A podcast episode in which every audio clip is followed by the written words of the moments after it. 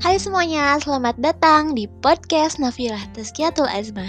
Di sini aku mau memperkenalkan diri. Aku adalah mahasiswa dari Poltekkes Kemenkes Bandung, jurusan Promosi Kesehatan. Sekarang aku ada di tingkat 3 atau di semester yang kelima.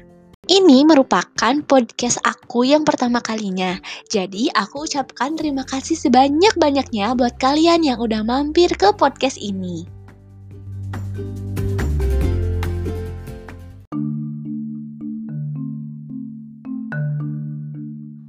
Oke, tanpa lama-lama, di sini aku akan bahas tentang anemia pada remaja putri. Sebelumnya, apakah ada yang tahu apa itu anemia?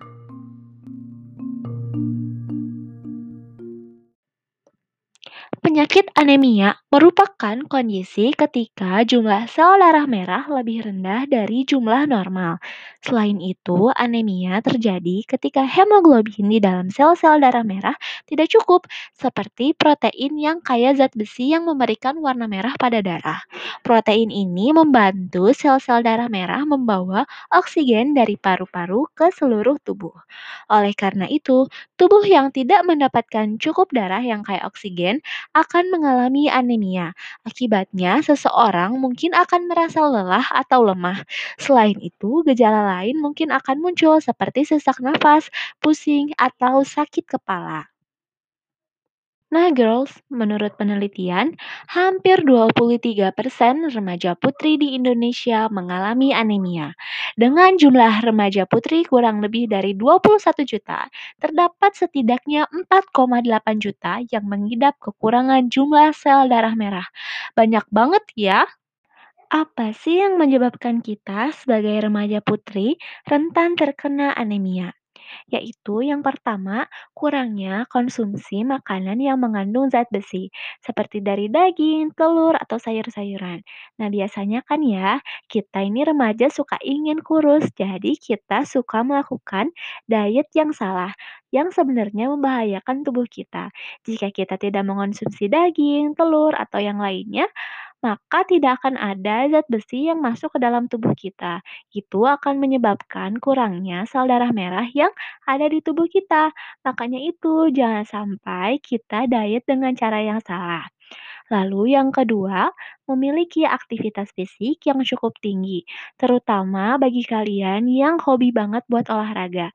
Kita tuh sering banget lupa waktu, apalagi kalau lagi di sekolah ya, sering banget kecapean karena dari pagi sampai sore kita belajar, kita beraktivitas, sedangkan asupan makanan kita itu kurang.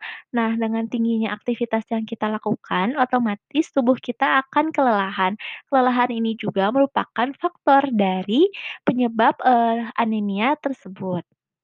Lalu penyebab yang ketiga adalah mengalami pendarahan menstruasi berlebih. Kita kan sebagai remaja putri, setiap satu bulan sekali menstruasi ya. Nah ini tuh merupakan faktor penyebab dari anemia. Jika kita e, didukung dengan kurangnya makanan, didukung dengan aktivitas fisik yang tinggi, sedangkan kita sedang mengalami pendarahan saat menstruasi, otomatis tubuh kita akan drop dan otomatis, eee, sel darah merah yang ada di dalam tubuh kita itu semakin mengurang semakin mengurang, dan itu akan menyebabkan kita merasa kunang-kunang saat baru bangun dari duduk, atau merasa pusing dan sesak nafas. Nah, girls, apakah kalian pernah ngerasain tuh yang namanya kunang-kunang saat kalian baru bangun dari duduk atau kalian baru bangun dari tidur, kalian berdiri terus penglihatan kalian tuh tiba-tiba kayak kunang-kunang dan gelap, kalian tuh gak bisa ngelihat apa-apa gitu selain gelap, atau kalian ngerasa capek atau lelah yang berlebihan walaupun kalian tidak melakukan aktivitas yang cukup berat. Nah, itu tuh wajib diwaspadai ya, girls. Eee, jangan-jangan itu tuh merupakan gejala dari anemia. Lalu bagaimana solusinya jika kita mengalami gejala-gejala tersebut? Tenang aja, ada solusinya dan bisa kita lakukan untuk mencegah anemia.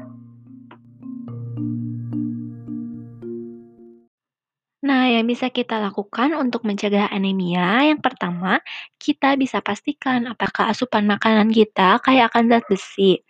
Kita harus memastikan apakah gizi harian kita memiliki makanan dengan tinggi zat besi seperti hati ayam, hati sapi, telur, kacang kedelai, daging merah, dan sayuran yang berwarna hijau kegelap-gelapan.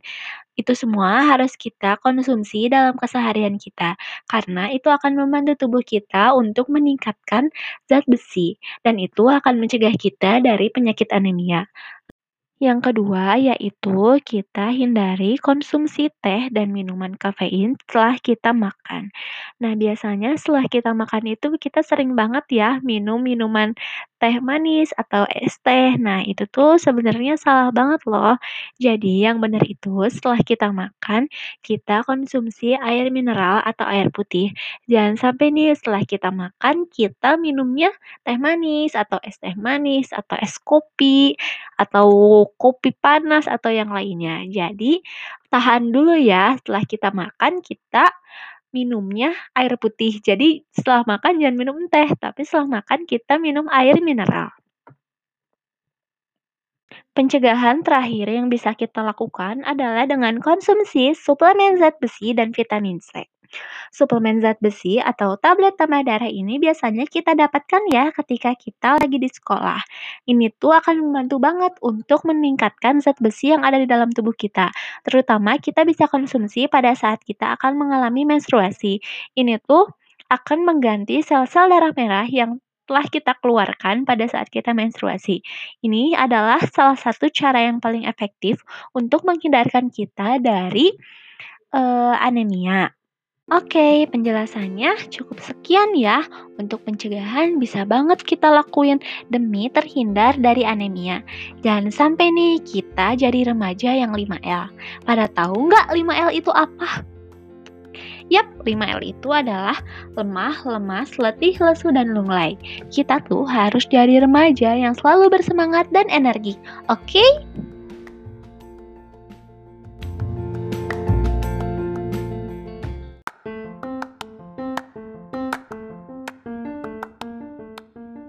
Terima kasih kepada teman-teman yang telah mendengarkan podcast ini sampai akhir. Semoga kalian semua selalu sehat dan bahagia. Salam dari Novila Tazkiatul Azmah. Dadah, sampai bertemu di podcast selanjutnya.